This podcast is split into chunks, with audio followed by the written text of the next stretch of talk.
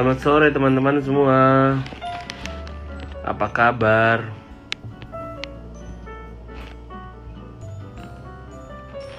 Oh, sorry.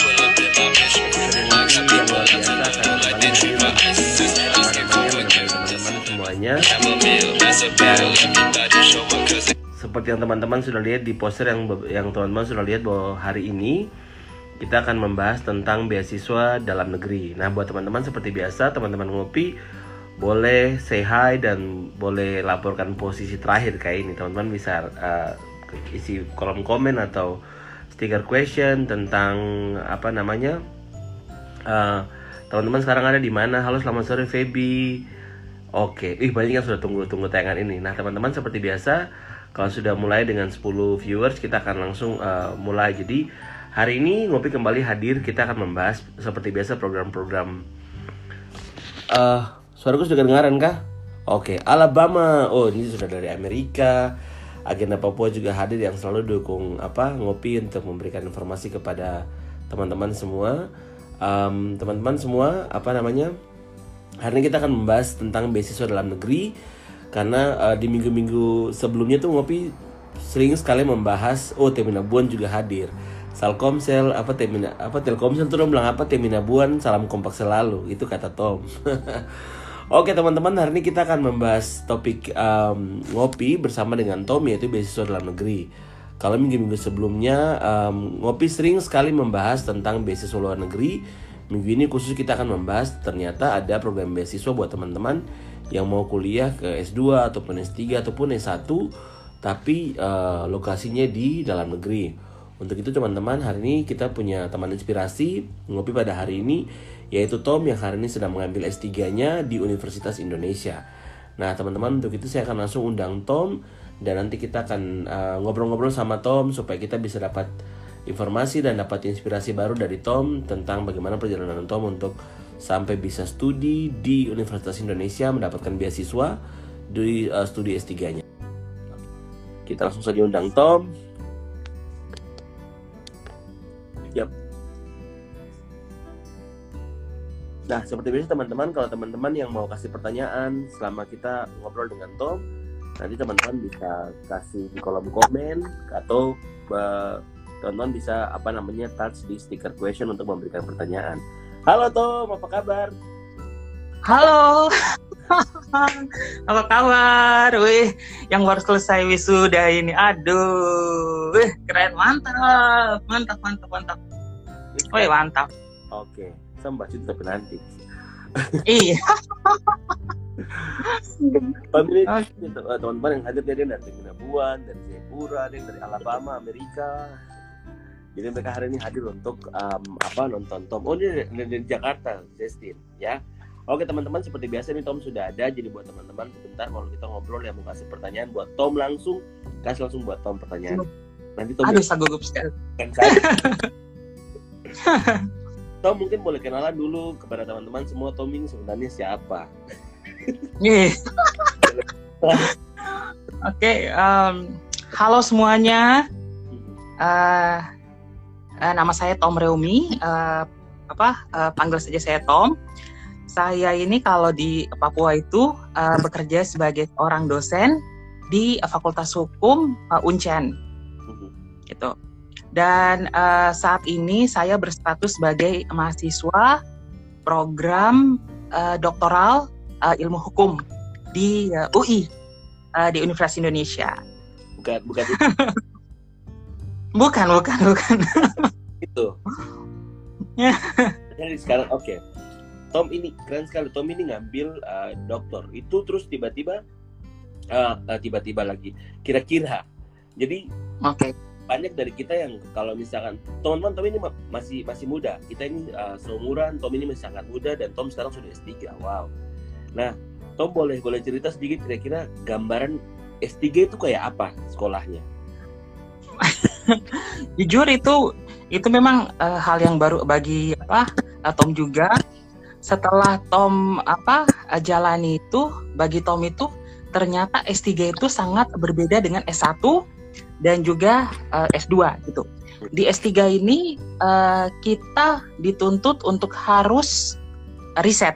Itu murni. Murni harus riset gitu. Jadi ketika kita kuliah itu kita bukan kuliah untuk lulus tapi kita kuliah untuk menggolkan uh, risetnya kita gitu.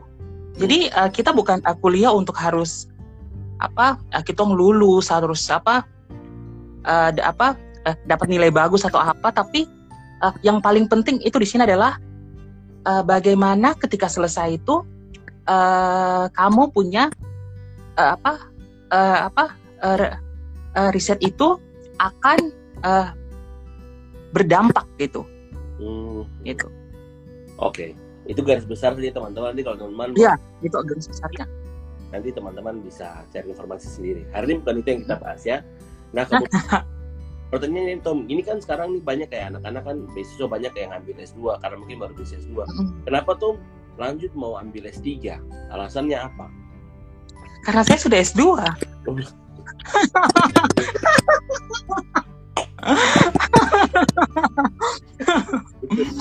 Oke, oke, oke. Itu mungkin, itu mungkin apa ya? eh, itu mungkin alasan yang lain. Tapi kalau alasan yang lebih lagi itu adalah karena kebetulan eh, pekerjaan sebagai tenaga pengajar dan hal itu sangat dituntut sekali untuk eh, apa? eh, saya harus eh, mengupgrade eh, diri dan juga em, mengupgrade ilmu eh, pengetahuan gitu. Jadi itu memang eh, betul-betul uh, disupport, uh, didukung juga gitu. Oh. Dan uh, mau tidak mau saya harus uh, sekolah gitu. Oke, sip. Keren teman-teman. Jadi kalau di, di tengah banyaknya beasiswa yang sekarang lagi banyak-banyak di Indonesia, terus Tom uh, banyak sekarang anak-anak yang berpikir untuk ke luar negeri, tapi Tom berpikir untuk ke dalam negeri. Nah, Tom ini kan uh, salah satu anak-anak yang teman-teman ini menginspirasi sekali dengan teman-teman dia, dia punya Facebook, dia punya postingan-postingan Facebook itu luar biasa. Salah satunya tuh Tom ini pernah gagal gagal apply beasiswa. Nah, Tom mungkin ini kan sekarang Tom sudah dapat beasiswa S3 Mm-mm. mungkin bisa cerita sedikit tentang pengalaman bagaimana Tom apply beasiswa, kemudian Tom apa tidak lulus dan akhirnya Tom lulus. Mungkin Tom bisa ceritakan sedikit bagaimana jatuh bangunnya Tom apply beasiswa. Oke, jadi pertama kali Tom itu sebenarnya bangun mimpi untuk bisa dapat beasiswa itu dimulai ketika tahun 2010. Itu Tom ikut salah satu eh, pameran pendidikan yang diadakan di eh, Papua. Waktu itu diadakan di em, BPSDM. Di situ Tom mulai punya semangat, mulai punya mimpi untuk harus Tom eh, jadi bagian gitu. Dan saat itu mimpi yang Tom apa eh, bangun adalah Tom harus bersekolah ke luar negeri. Itu jadi eh, apa eh, top of the top dream gitu, gitu. Dan eh, semua itu jadi ketika tahun 2010, terus kemudian tahun 2011 itu Tom eh, pertama kali ikut eh, seleksi untuk eh, kursus eh, apa eh, bahasa Inggris di Bali Bali. itu uh, program DPP uh, DLF Bali dan saat itu Tom gagal. Itu gagal pertama kali gitu. Terus kemudian 2012 Tom ikut lagi pelatihan bahasa Inggris di, uh, di SDM otonom. Di situ Tom pertama kali kenal yang namanya uh, tes IELTS gitu. Dan ketika uh, Tom selesai ikut apa uh, program itu Terus uh, kemudian uh, 2012 itu beasiswa yang pertama kali uh, Tom apply adalah beasiswa AAS. Waktu itu namanya adalah ADS. ADS gitu. Itu adalah beasiswa yang pertama gagal. itu adalah uh, kegagalan yang uh, pertama kali gitu. Terus uh, kemudian lanjut ke uh, 2013 Tom akhirnya lolos untuk pelatihan bahasa Inggris ke Bali gitu itu Tom lolos itu eh, 2013 eh, pulang dari Bali Tom apply lagi eh, untuk eh, beasiswa ke eh, ke Australia gitu. Tapi eh, gagal juga di situ. Nah itu Dia. Eh, iya, itu uh, gagal 2013, terus kemudian 2014 Tom daftar lagi uh, beasiswa uh, ADS dan itu uh, gagal lagi di situ. Oh, Gagal lagi uh, 2014. Terus kemudian 2015 uh, rentang dari 2014 ke 2015 itu Tom uh, coba lagi untuk daftar beasiswa waktu itu beasiswa LPDP untuk beasiswa afirmasi. Itu uh, pertama kali dibuka Tom daftar di situ. Dan puji Tuhan gagal lagi. Gitu.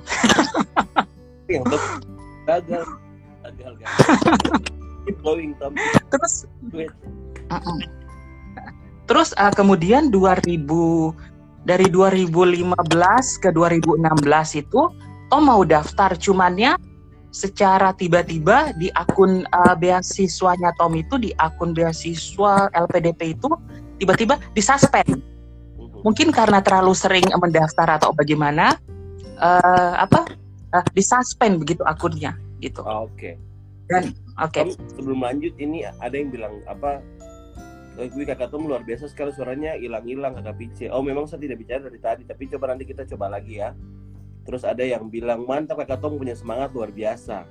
Good luck thank you thank you teman-teman. Keren keren, keren. terima kasih teman-teman. Ini Alvin dua apa suaranya kakak Pice hilang-hilang. Oh memang saya belum ngomong tapi tidak apa-apa. Nanti kita lanjut dulu. Silakan Tom lanjut. Sampai di suspend Oke. lagi Oke, jadi s- eh, tahun 2004, iya 2014 ke 2015 itu disuspend dari eh, dari LPDP, Mhm. disuspend, kemudian eh, Tom tidak menyerah gitu. oke Ketika saat itu, untungnya dari eh, beasiswa LPDP itu mereka ada buat eh, pameran di di hotel eh, Swiss Bell. Mhm. Itu eh, Tom datang di situ. Eh, Tom datang, terus kemudian eh, Tom sampaikan apa? eh, sampaikan eh, problemnya dan eh, kemudian eh, diaktifkan lagi gitu. Dan setelah diaktifkan itu ke- eh, ternyata eh, setelah dicek itu semua riwayat itu sudah ada sekitar ada sekitar enam bukan enam sih baru empat kali gagal di situ. Oh oke oke oke Oke. Jadi itu langsung disuspend otomatis gitu. oh akhirnya clue Ak- ah, ah. jadi memang Selanjut Oke, sebelum lanjut. Jadi itu ada program-program beasiswa yang teman-teman kalau misalkan sudah apply beberapa kali itu sistemnya akan langsung kasih stop gitu karena ada uh, program yang kayak kalau AS, kok daftar berapa kali terserah, 10 kali pun jadi. Tapi ada juga beberapa program yang kalau misalkan kau sudah daftar misalkan ada uh, lewat dia punya beberapa limit tertentu, itu biasanya akan langsung di suspend. Begitu. Oke, lanjut Tom setelah itu. terus setelah itu 2016 itu Tom apply juga gagal. gagal lagi 2016 gitu. Jadi itu Tom apply eh, gagal terus eh, kemudian kan Tom ikut eh, pertukaran pemuda Oh. sama Pice yang hari itu ke Cina, Ya, Tom ke Malaysia betul betul. 2016 gitu. Terus selanjutnya 2017 Tom daftar lagi. Itu masih dengan mimpi untuk harus ke luar negeri. Itu Tom gagal lagi. Gitu. Itu gagal lagi gitu. 2018 Tom mau daftar. Tetapi setelah eh, Tom lihat dari eh, 2012 sampai 2017 itu itu selalu Tom apa eh, gagal Tom mulai eh, belajar sesuatu di sini. Tom bilang begini, eh, karena dari 2012 sampai 2017 itu ada satu eh, benang merah yang buat eh, kenapa sampai Tom eh, gagal gitu. Hmm. Mm-mm. jadi eh, eh, benang merahnya adalah eh, Tom itu selalu jatuh di bagian administrasi Mhm. gitu. Hanya baru eh, kumpul apa eh, berkas itu selalu gagal gitu. Eh, Sedangkan menurut eh, apa eh, Tom itu eh, Tom sudah eh, apa ya eh, sudah sangat sudah sangat apa eh, lengkap semua berkasnya, tapi itu selalu gagal hanya sampai di tahap itu saja gitu. Mhm. Dari situ eh, Tom mulai kayak macam apa, eh, kayak sadar, wah ini kenapa gitu? Kok ini cuma bisa sampai di tahap yang pertama saja? Dan akhirnya di situ Tom apa eh, belajar bahwa harus ada yang dirubah di sini gitu. Dan setelah Tom eh, apa eh, apa eh, cek semua administrasi, eh, Tom baca ulang, terus eh, kemudian eh, Tom hubungkan lagi dengan apa eh, background lagi. Mhm. Ternyata Tom mengambil satu eh, kesimpulan bahwa Tom itu harus di dalam negeri gitu Mhm. tidak bisa di luar negeri. Kenapa? Karena secara uh, basic itu uh, Tom memang uh, riwayat apa uh, pendidikannya itu ialah uh, belajar tentang uh, hukum Indonesia gitu. Jadi Oke. uh, mau tidak mau Tom harus tetap di Indonesia gitu. Jadi jadi uh, seperti ibarat Tom mau uh, belajar buat apa tempe itu uh, Tom tidak perlu ke uh, Jepang uh, apa atau uh, ke Amerika gitu. Jadi itu adalah satu uh, benang merah yang akhirnya uh, apa uh, Tom putuskan bahwa oke harus dalam negeri ini. dalam negeri. Wah, ini keren. Jadi Tom bisa menemukan. Jadi ini sama kayak beberapa episode uh, ngopi minggu lalu bahwa kalau kita bisa menemukan, menemukan kita punya apa goal, kita punya path sendiri, itu pasti kita bisa apa namanya dengan mudah untuk menentukan uh, jalan selanjutnya. Tom sebelum lanjut ini ada ada pertanyaan kata Tom punya latar belakang S1 apa? Saya satunya hukum uh, tata negara gitu. Terus kemudian S2 hukum uh, tata negara gitu. Dan S3 akhirnya Tom ambil lagi hukum tata negara. Hormat kan? Mm-mm. Nah ini Aduh. um, beta kan nanti kita dem terus pertama ketemu 16 udah iya kakak dosen terbaik hebat kakak Tom luar biasa semangatnya ada yang cerita karena tadi Tom apa namanya ceritakan perjalanan dari 2010 11 sampai yang ada ini bilang 2016 pertama kali ketemu kakak Tom Eh, oke nanti untuk yang beasiswa setelah ini kita akan membahas beasiswa oke nah terus ada yang bilang juga oh justru di PPN baru gagal Aduh. Ya, Tom, kan tadi Mm. pengalaman uh, sampai akhirnya dosen ngambil eh, dosen lagi Tom sekarang kan ngambil apa hukum tata negara. Nah. Ini ada yang nanya soal beasiswa LPDP BIT. Nah, teman-teman sekarang kita akan bahas masuk ke beasiswa. Tadi Tom bahas soal Beasiswa. ya, punya pendidikan, pendidikan. Nah, kemudian sebelum kita masuk ke beasiswa LPDP, kira-kira apa yang Tom pelajari selain ketemu benang merah? Dari proses yang tadi yang Apa? dari proses eh, yang tadi Tom jelaskan dari 2010 Mm. sampai akhirnya bisa pergi sekolah lewat benang merah tuh kemudian apa yang Tom pelajari dari dari gagal-gagal itu apa yang Tom pelajari Kalau dari kegagalan yang Tom belajar adalah ketika gagal itu hal yang paling pertama di apa di fix atau di uh, perbaiki adalah semangatmu. Itu aja dulu gitu. Harus uh, diperbaiki, dihidupkan kembali gitu. Karena kalau apa uh, misalnya hal yang pertama kali gagal terus uh, kemudian yang apa uh, yang kita uh, pikir itu adalah uh, bagaimana kita harus apa em, apa ya eh apa bangkit kembali bikin begini ah. artinya gini apa eh, satu hal yang Tom eh, belajar itu ketika selalu gagal adalah hal yang paling pertama adalah eh, Tom harus eh, perbaiki eh, semangatnya dulu gitu karena kalau misalnya kita mau eh, bersaing secara eh, prestasi di luar sana banyak yang lebih pintar daripada Tom gitu. Tapi yang punya semangat itu mungkin cuma hanya Tom sendiri gitu. luar biasa Dan itu yang jadi kayak tepuk tangan buat Tom yang semangatnya. Oke. Nah, dari perjalanan hari Tom sudah belajar bahasa Inggris, supply beasiswa kemudian gagal dan akhirnya Tom dapat beasiswa LPDP. Nah, Tom mungkin bisa jelaskan sedikit tentang beasiswa LPDP ini. Oke, beasiswa LPDP ini adalah beasiswa yang didanai oleh tiga uh, kementerian yaitu Kementerian Keuangan, Kementerian Pendidikan dan Kebudayaan dan juga Kementerian Agama gitu. Terus kemudian di uh, beasiswa PDP ini itu banyak sekali uh, skema-skema uh, beasiswa yang ditawarkan gitu. Ada uh, beasiswa yang umum itu yang untuk apa uh, reguler. Uh, terus juga ada uh, beasiswa yang sekarang uh, Tom ikut adalah uh, beasiswa Indonesia Timur gitu. Kalau secara khusus ke uh, beasiswa Indonesia Timur itu adalah beasiswa untuk uh, mereka yang tinggal di uh, provinsi Nusa Tenggara Timur, terus kemudian Maluku, Maluku Utara, Papua Barat dan juga uh, Papua gitu.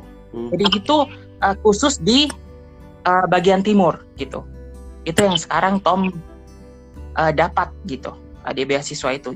Oke, jadi teman-teman itu sebenarnya Tom bilang tuh kayak satu beasiswa saja itu dia punya skema itu banyak gitu. Iya, sangat banyak. Jadi bu- bukan hanya kayak LPDP tapi kayak apa karena saya sering apa namanya bikin informasi tentang beasiswa dan pelajari program-program beasiswa.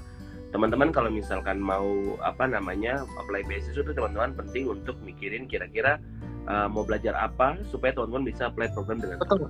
karena contoh kalau misalkan teman-teman mau apply ke Australia Wars itu ada Australia Wars punya uh, short term program. Misalkan belajar ELTA atau tidak punya short course atau tidak punya um, apa namanya yang long term awards kayak kita gini student S3 kayak LPDP itu ada afirmasi ada khusus PNS ada Hmm, tim Betul.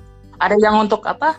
uh, santri juga gitu. santri khusus dosen gitu Iya. jadi Betul, kesempatan-kesempatan ini nih terbuka sangat banyak gitu sangat banyak dan betul. dan it it means bahwa kita ini punya banyak pilihan untuk apply beasiswa dan sekolah lagi tetapi dari Yes. kita gitu coba lihat Tom Betul. dari pertama 2012 apply apply apply saya juga tadi dengar juga ini ini juga nih dan akhirnya bisa bisa dapat dan sekarang S3 nya di UI itu uh, luar biasa sekali nah terus uh, tadi Tom sudah Nah, waktu waktu uh, tes masuk di UI itu juga apa sempat gagal 2019. oke Itu gagal. Oke. Jadi ketika waktu itu Tom sudah dapat beasiswa terus kemudian 2019 Tom uh, pertama kali apply apa ke Univ itu tahun 2019 ternyata risetnya Tom itu ditolak gitu. Tom uh, tidak tahu kenapa tapi dibilangnya gini, kamu harus uh, fixkan dulu risetmu dan itu jujur Tom siapkan riset itu itu selama satu tahun gitu uh, penelitian gitu. Dan 2019 gagal masuk UI, Tom tidak menyerah lagi. Karena itu sudah biasa itu, itu yang namanya apa tuh gagal itu sudah biasa untuk Tom. Terus uh, kemudian uh, 2020 Tom daftar waktu itu Tom daftar iya eh, 2020 itu pas baru pandemi ini eh, Tom daftar dan akhirnya Tom diterima. Oke. Nah, Tom ini ada yang mau, mau bertanya. Kakek jadi bertanya apakah beasiswa yang kakek ikut lagi di uh, di saat corona ini lagi buka di saat corona?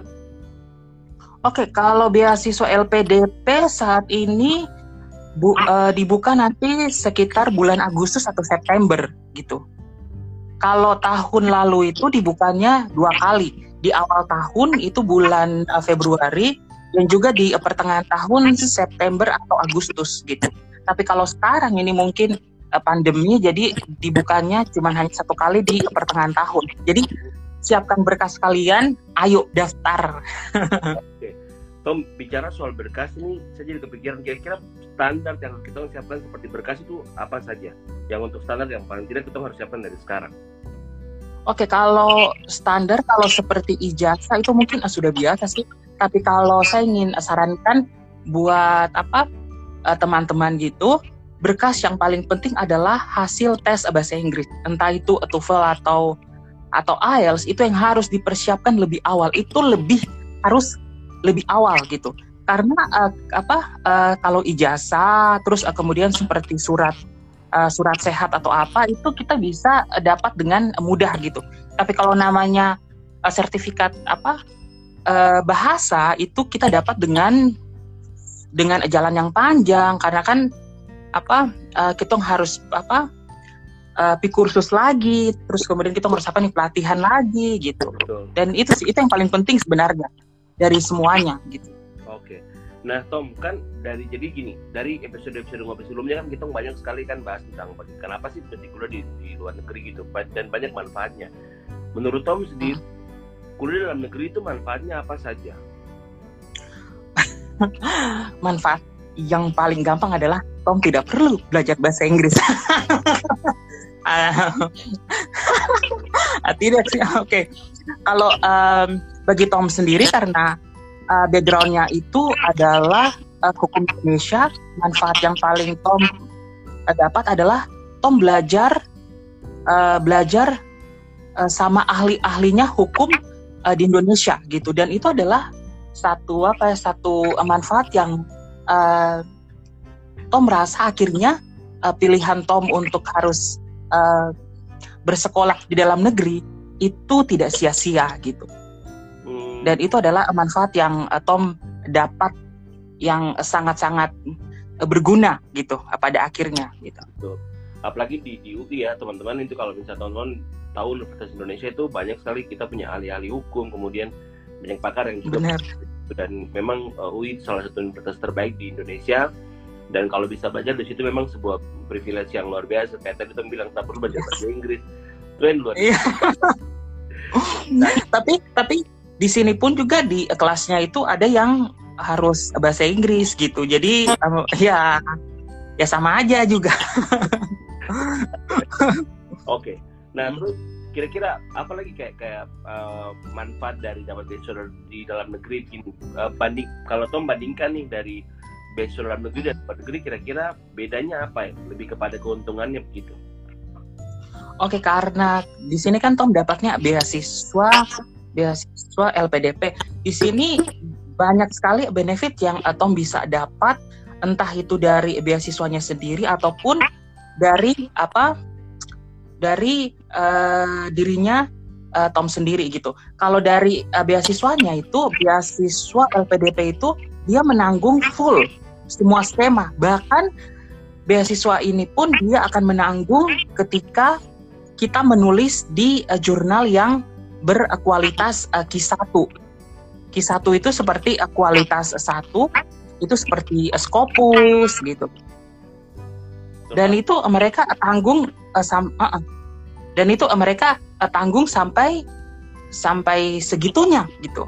Mhm. Dan itu adalah eh, benefit yang yang akhirnya Tom eh, dapat gitu setelah eh, dapat eh, beasiswa ini. Terus kalau untuk eh, Tom sendiri itu benefit eh, bagi dirinya eh, Tom adalah ketika ikut eh, beasiswa ini itu Tom kenal dengan begitu banyak sekali orang-orang hebat di Indonesia gitu. Itu Tom kenal semua. Karena sebelum dapat eh, beasiswa ini itu kita harus eh no no eh, sebelum sekolah eh, ke UI itu kita ada yang namanya PK gitu. PK itu adalah eh, persiapan eh, Keberangkatan. keberangkatan. Nah, itu ha itu harus. Nah, di situ itu Tom bertemu dengan begitu banyak anak-anak Indonesia yang hebat-hebat, yang keren-keren gitu. Oke. Dan akhirnya Tom punya eh, jaringan gitu. Betul. Ini ada pertanyaan lagi. Oh no, dari dari Patricia. Jadi masih soal bahasa Inggris, tapi ba- bacaannya pasti bahasa Inggris kan kak? Iya, betul. Textbooknya itu semuanya semuanya bahasa Inggris. Bahkan ketika waktu Tom itu juga Inggris plus dengan harus translate salah satu artikel jurnal dalam bahasa Indonesia. Oh jadi kayak kayak belajarnya berarti double dong. Kalau kita di sini Indonesia, Iya. di sana Inggris ke Indonesia. Eh, bilingual. Oke. Di sini tuh bilingual akhirnya Hmm. gitu. Jadi kalau kalau misalkan Tom bikin tugas terus misalkan ngambil jurnal dari dari dari apa jurnal bahasa Inggris, berarti tetap eh, tugasnya pakai bahasa Indonesia.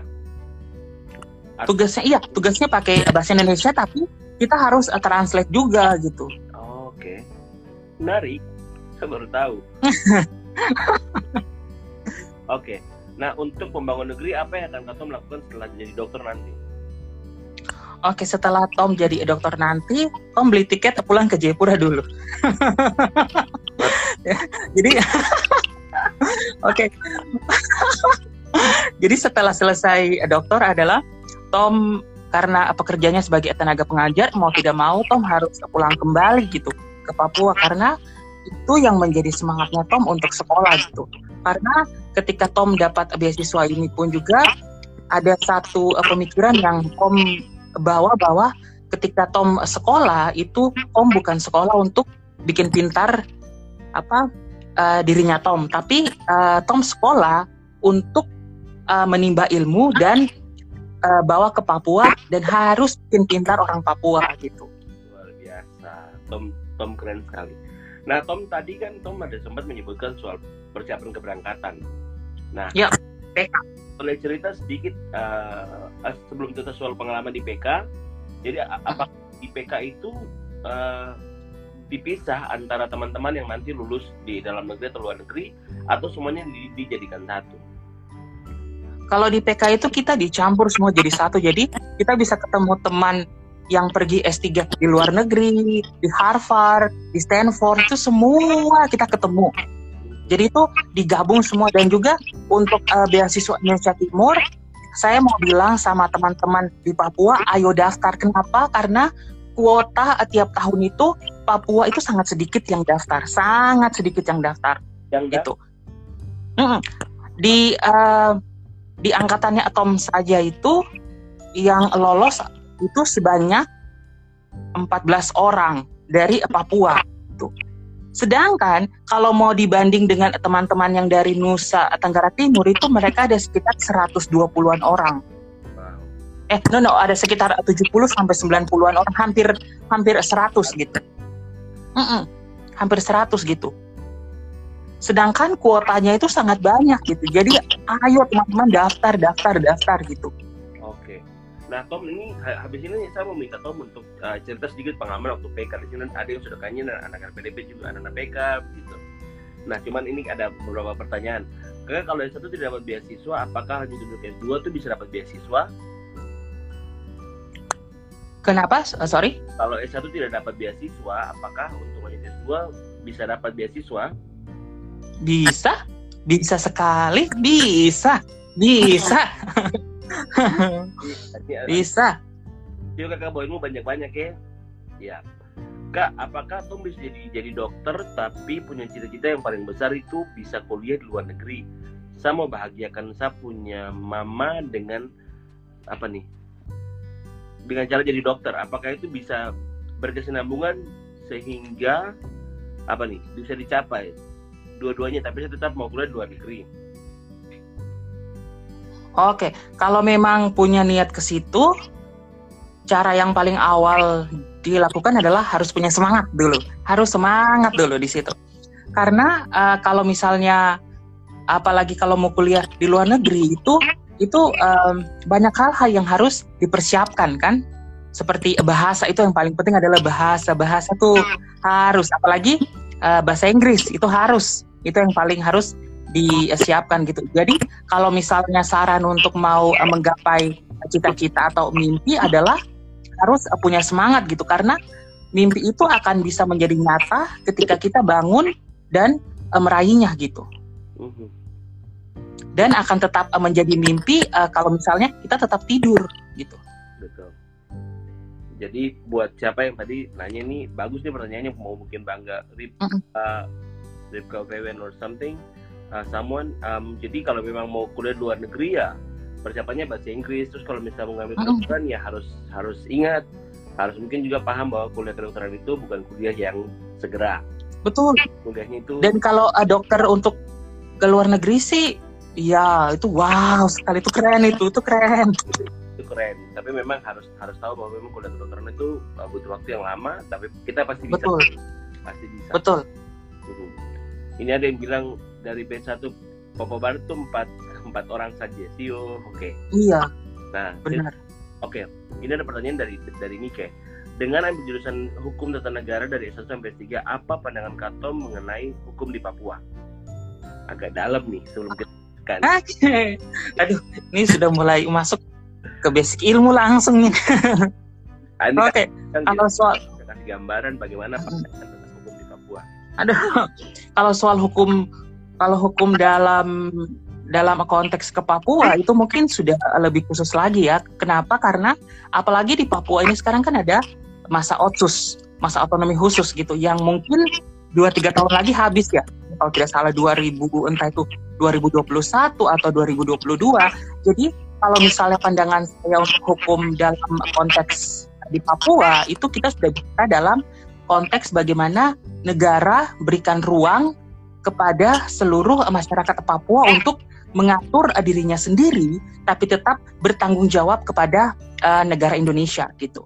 Dan dan uh, uh, hal itu dibuktikan dengan diberikannya undang-undang uh, uh, otonomi uh, khusus itu sendiri gitu. Jadi kalau mau bicara uh, hukum uh, di Papua itu sudah lebih khusus lagi gitu. Uh, Papua dan Aceh, sorry. Hmm, itu karena memang daerah daerah khusus ya. Iya, mm daerah khusus. Thank you buat jawabannya. Oke, kita balik ke Tom punya pengalaman waktu PK. Jadi memang mm beasiswa ini saat ini tuh apa rata-rata teman-teman yang teman-teman ketahui bahwa sebelum teman-teman uh, waktu teman-teman daftar beasiswa dan dinyatakan diterima itu ada fase persiapan. Jadi bukan yep. congratulations langsung berangkat, no. Harus ada yes apa persiapan karena begini teman-teman universitas di luar negeri ataupun dalam negeri mereka tidak mau terima anak-anak program beasiswa yang dalam keadaan tidak siap untuk datang belajar. Exactly. Karena kalau misalkan teman-teman tidak siap untuk masuk belajar di, di universitas you kill yourself. Teman-teman akan membuat diri teman-teman kesulitan sendiri karena betul. kehidupan akademik berbeda dan kita punya kehidupan sehari-hari. Tantangannya berbeda dan butuh disiplin yang tinggi. Nah itu makanya teman-teman harus ada yang namanya fase persiapan. Untuk LPDP ini kan namanya persiapan keberangkatan. Mungkin Tom bisa kasih yes. cerita sedikit bagaimana nah, apa sih yang uh, Tom pelajari di selama persiapan keberangkatan dan apa sih yang Tom dapatkan? Oke, jadi eh, selama APK itu salah satu hal yang Tom dapatkan adalah um, networking dan juga teman-teman yang baru. Itu Tom dapat banyak sekali di APK.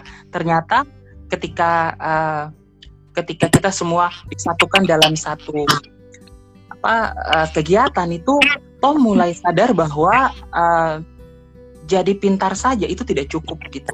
Uh-huh.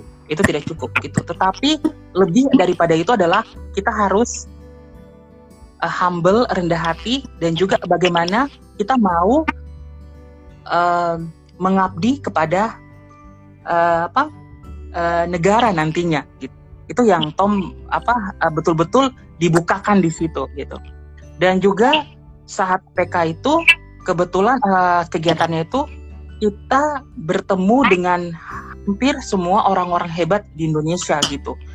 Ada yang kita ketemu Pak Mahfud MD terus kemudian kita ketemu ada yang wakil ketua KPK di situ kita dipertemukan itu uh, bukan untuk harus menonjolkan uh, prestasi, tapi bagaimana kita saling memberi semangat antara satu dan lainnya gitu. Dan itu yang Tom apa uh, belajar bahwa memang ini uh, yang namanya ilmu padi itu harus uh, semakin berisi, semakin merunduk gitu. Betul.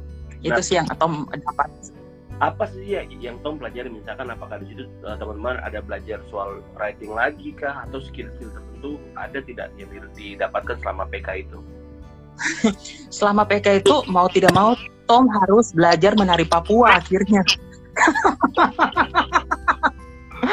karena di situ karena di situ jujur Tom itu tidak bisa menari mungkin tahu itu tarian Papua, tapi kalau untuk menari itu tidak bisa. Kenapa? Karena di um, uh, di PK itu ada yang namanya uh, satu ka, uh, satu hari itu yang khusus untuk apa uh, apa uh, Papua semua di situ. Dan itu kita yang uh, menjadi apa uh, perwakilan itu harus uh, tunjukkan itu mulai dari kita harus apa menari, kita cerita itu di Papua itu bagaimana, terus uh, kemudian kita kasih apa uh, souvenir gitu. Mm-hmm.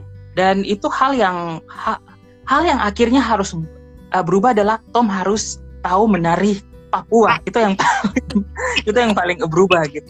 Seru ya, jadi kayak kayak kayak macam kalau saya berarti justru kita di dalam PK tuh pasti akan ada something yang berubah di situ. Kayak Iya.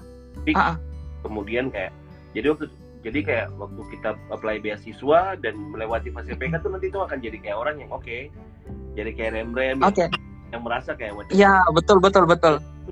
kayak macam oh orang semua kongres dan waktu kok masuk di IPK ataupun kayak pre department Mm-mm, eh, sabar dulu sabar dulu di sini kayak betul.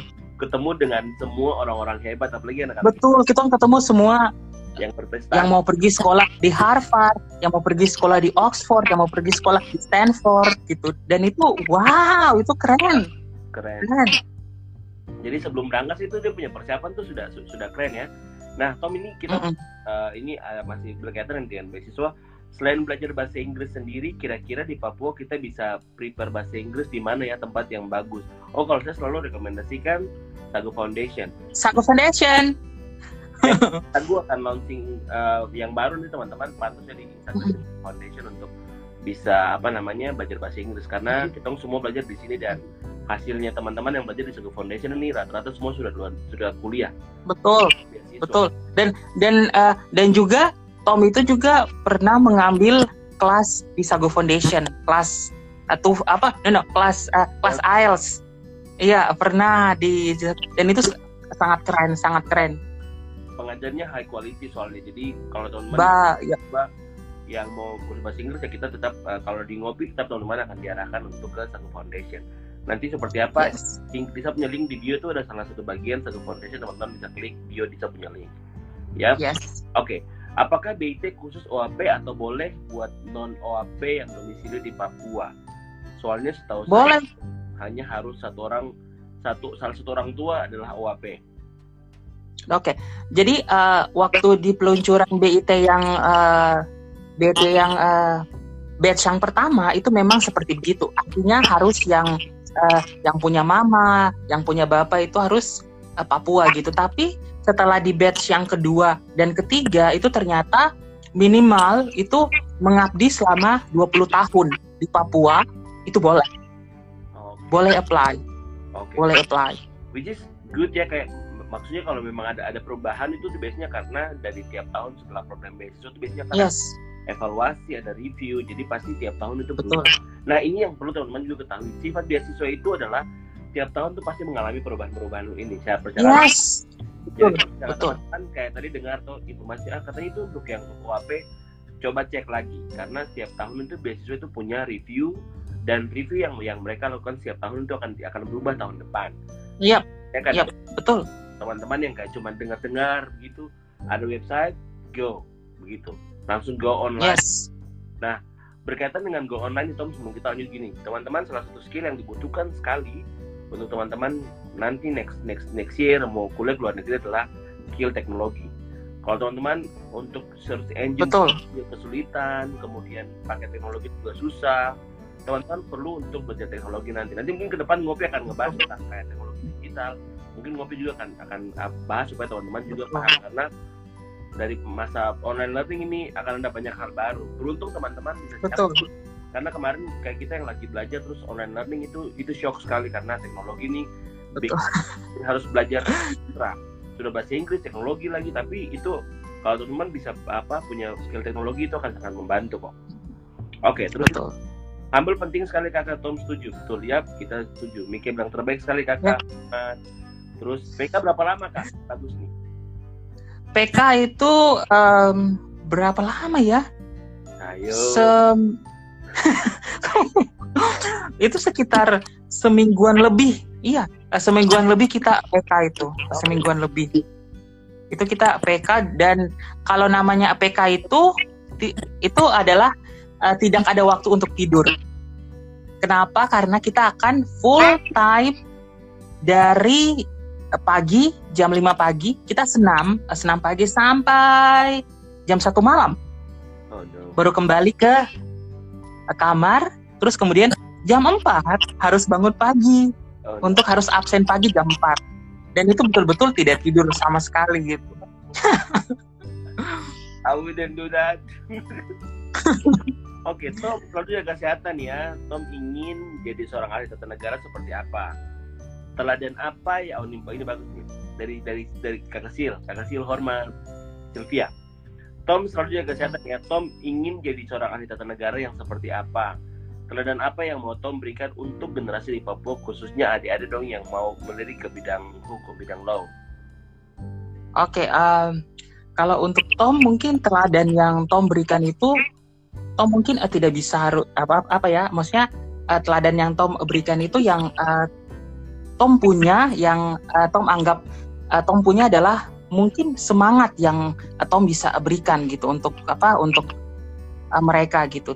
Tapi kalau untuk eh, untuk menjadi apa ya tadi? Eh, ahli hukum ya Mau jadi seorang ahli tata negara yang seperti apa? kalau mau jadi ahli seorang tata negara yang seperti apa?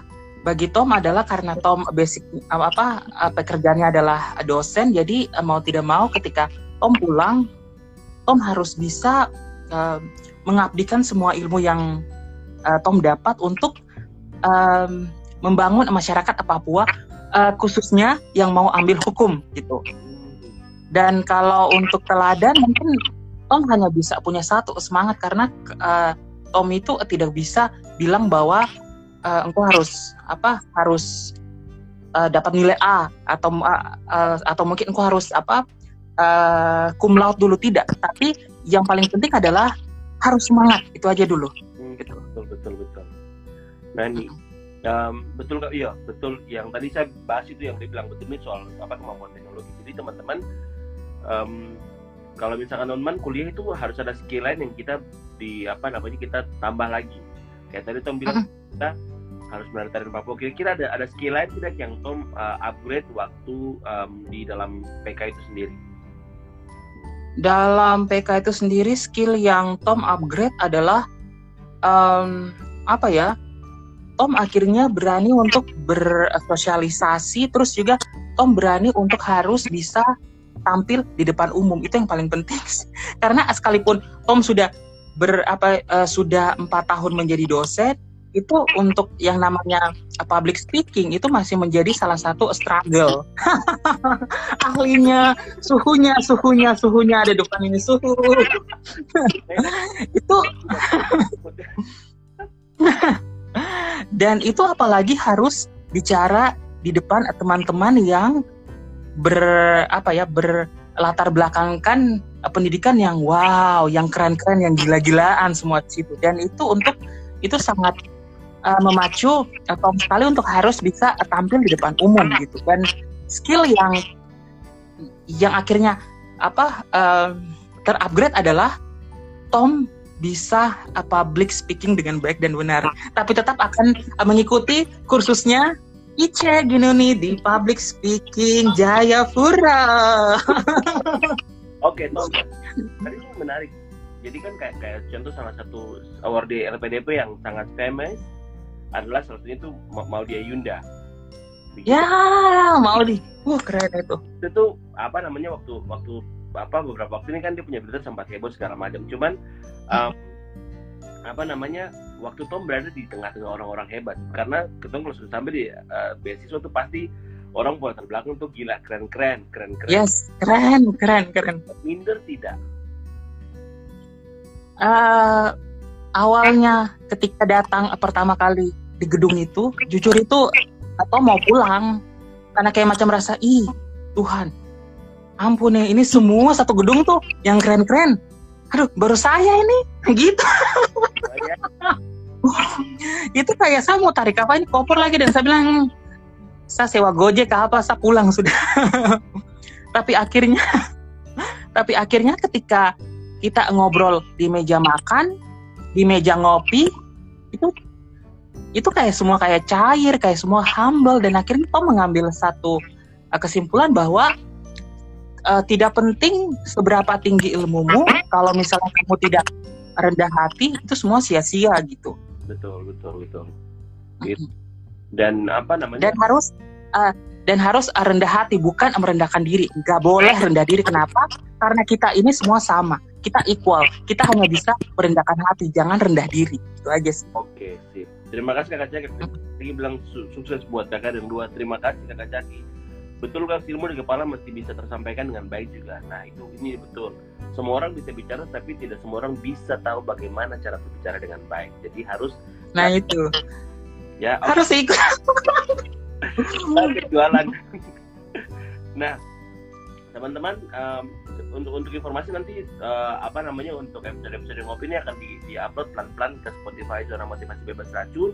Jadi buat teman-teman yang mau eh, apa namanya eh, ikut eh, apa episode ngopi sebelumnya selain ada di IGTV, teman-teman juga mungkin drive atau mungkin travel jauh begitu teman-teman bisa dengarkan di Spotify atau Apple Podcast itu linknya ada di Isa punya bio. Jadi teman-teman bisa lihat ada episode ngopi sebelumnya dan yang ini juga akan diupload nanti kalau sudah diupload kita umumkan bahwa sudah diupload di Spotify dan uh, Apple Podcast. Nah, terus teman-teman uh, Tom, saya mau tanyakan lagi kira-kira ini kan sekarang Tom lagi ada di pandemi ini nih kita udah punya question list. Um, Oke. masa pandemi ini kira-kira ada tidak yang berubah ketika Tom belajar? Uh, apakah itu online atau seperti apa? Kalau pandemi ini justru memang yang berubah itu akhirnya sistem pembelajaran sih. Karena ini pandemi, kita tidak boleh uh, baku ketemu uh, face to face, mau tidak mau semua harus online gitu. Cumannya kalau ju- uh, justru di saat pandemi ini buat Tom kayak macam rasa agak sedikit sedih kenapa? Karena kalau untuk uh, teman-teman di Jakarta mungkin kalau untuk kita di Jakarta itu yang namanya apa sistem online itu mungkin hal yang mudah gitu. Ada sinyal dan ada semuanya. Tapi kalau bagaimana teman-teman kita di Papua gitu, itu yang jadi kayak satu satu apa ya satu hal yang sangat menohok sekali bagi Tom gitu. Karena kalau di Papua kita bicara sinyal itu ya You ya gitu. Ya, ya gitu. Dan uh, dan akhirnya Tom uh, beranggapan bahwa memang apa ya uh, belajar uh, belajar online itu apa uh, sangat baik di masa pandemi ini tapi ada juga masyarakat yang akhirnya tidak bisa mendapatkan hak dan kewajibannya sebagai warga negara untuk menerima pendidikan yang baik gitu Mhm. dan itu terabaikan akhirnya Oke, gitu nah. Teman-teman ini penting sekali teman-teman ya karena um, waktu saya selain ngobrol sebelum ngobrol sama Tom ini lagi browsing browsing untuk beasiswa. Dan ternyata itu ada beasiswa yang kemudian diperpanjang pendaftarannya, ada yang kemudian diundur, yes. Kayak macam teman yang mau pergi ke luar negeri itu banyak sekali beasiswa yang kemudian diundur akhir tahun. Which is kita punya waktu untuk kita ya kita punya waktu untuk persiapan lagi untuk kalau mau apply lagi atau apply beasiswa apa saja tuh waktunya banyak. Tetapi pengalaman saya kayak kayak kuliah di luar negeri itu salah satu yang sekarang kita butuhkan adalah kemampuan menggunakan teknologi kayak search engine teman-teman bisa buka buka web itu kayak buka majalah yang aduh cukup ribet gitu password dan segala macam teman-teman. At least itu mem- membiasakan diri dengan teknologi digital gitu. Kalau kalau karena kita di uh, masa pandemi sampai satu tahun ke depan ini masa pendidikan nih online semua jadi pastikan teman-teman kalau mau belajar studi lebih lebih lanjut pastikan kita sudah punya kemampuan teknologi yang bagus. Jadi semakin ke sini sepertinya tuh kayak kemampuan itu butuh di upgrade skill yang betul kayak skill untuk pakai komputer. Karena ternyata ada banyak juga saya tuh terima DM banyak sekali kayak waktu bagi informasi soal beasiswa. Ada yang saya kakak bagaimana caranya? Padahal buat kita yang sudah belajar it simply go to the website gitu. Tetapi ternyata ada banyak teman-teman yang belum bisa untuk even kayak searching di Google untuk website itu bukan mau bilang mereka nggak bisa cuman memang terbukti banyak yang tidak tidak tahu bagaimana cara uh, untuk cari informasi Betul. gitu. Jadi mulai sekarang mungkin ini jadi satu PR buat kita sama-sama untuk gimana dorong anak-anak di Papua untuk ayo kita apa namanya belajar teknologi yang baru. Karena betul. Harus. Hmm, sudah aku tuh sosial media TikTok segala macam tapi coba cari yang lebih banyak. Karena when kalau kita di apa in- eh, internet kita bisa do many things begitu. Oke. Betul. Mau tanya apa saja beasiswa dalam negeri? Hmm? apa kenapa? Apa saja beasiswa dalam negeri yang Tom tahu beasiswa dalam negeri kalau yang dalam negeri itu sebenarnya skemanya banyak. Kalau di eh, Dikti sendiri pun itu ada yang namanya beasiswa unggulan. Itu sama dengan beasiswa LPDP itu juga ada gitu. Dan eh, dan kalau dalam negeri mungkin sangat sedikit skemanya gitu. Paling banyak ke luar negeri sih. Betul. Skemanya yang paling banyak di luar negeri. Karena memang minat untuk luar negeri itu banyak jadi kayak supply demand gitu. Yes. Demandnya betul luar negeri ya memang disuplai ke luar negeri begitu ya. Betul. Ini ada yang bilang kakak Tom punya pengalaman keren. Iya dong makanya di di ngopi ini kedua aduh. Kakak Tom di ngopi ini. Thank you thank you. Oke. Tom lima menit lagi nih. Ini uh, kita boleh dong dengar apa encouragement Tom punya apa kata-kata mutiara kayak ini. Ah Aduh. Tom, tentu sama-sama kita kuliah, tapi kita punya pilihan kan ada di dalam negeri. Mungkin Tom bisa kasih Hmm. Tahu gimana supaya kita juga bisa dapat beasiswa seperti Tom, bisa kuliah dalam negeri, Oke. banyak gratis dan dapat keuntungan-keuntungan yang yang Tom sudah rasakan sekarang. Yes. Oke, Em, kalau bagi Tom eh, pesan untuk eh, teman-teman semua, yang paling penting seperti yang tadi Tom sudah apa eh, jelaskan itu dari awal, yang paling penting adalah ketika gagal itu adalah yang harus diperbaiki adalah semangat. Itu yang paling penting semangat, harus semangat dulu, baru bisa eh, apa eh, kau pikirkan yang lainnya. Terus juga eh, yang kedua adalah kalau namanya sukses itu itu adalah uh, poin persimpangan antara kesiapan dan uh, kesempatan gitu. Kalau misalnya kita tidak siap dan kemudian apa uh, uh, chance-nya itu datang, ya sudah kita gagal gitu. Tapi uh, kalau misalnya kita siap terus kemudian itu datang uh, kesempatan, kita pasti akan sukses loh. Jadi kalau kalau namanya siap itu itu bukan hanya satu dua hari tapi itu eh, makan waktu, makan semangat, terus kemudian makan pokoknya makan semuanya lah, makan Ya. ya pengorbanan juga gitu. Jadi itu harus disiapkan gitu. Oke, sip. Jadi teman-teman punya kesiapan, ketemu kesempatan, jadi bisa berhasil ya. Jadi, nah itu pasti gitu. Karena eh, kalau misalnya tiba-tiba itu datang kesempatan, terus eh, kemudian eh, kita tidak siap, ya gagal, akan gagal terus gitu. Kesempatan akan datang kepada mereka yang siap. ya. Jadi mari kita persiapkan. Yes, asik. Tom, terima kasih banyak Tom sudah jadi ngopi. Oke, thank you. Semua hari ini teman-teman kita punya um, list question sudah selesai, sudah habis. Oke, masih ada pertanyaan? Kalau tidak ada, terima kasih ke Tom. Oke, sip. Jadi terima kasih banyak teman-teman. Tom, thank you. Kita sudah belajar baik dari Tom. Oke, thank you. Dan Tom punya apa namanya uh, kisah dari gagal-gagal sampai sekarang sudah S3 sukses buat sekolahnya Tom di UI. Amin. Uh, teman-teman yang sudah menyaksikan juga, terima kasih banyak teman-teman sudah join. Thank you, thank you. Untuk menyaksikan ngopi minggu depan. Nah, mungkin di next week kita mungkin akan belajar kepada skill-skill yang kita butuhkan seperti teknologi Yes. atau apa pun itu nanti kita butuhkan untuk persiapan kuliah ke luar negeri. Seperti yang tadi Tom bilang, kalau kesiapan ketemu dengan kesempatan maka kita akan berhasil. Terima kasih banyak Tom, terima kasih banyak teman-teman. Oke, thank you semuanya. Thank you. Bye. Ngopi minggu depan. Bye. Oke, siap. Bye.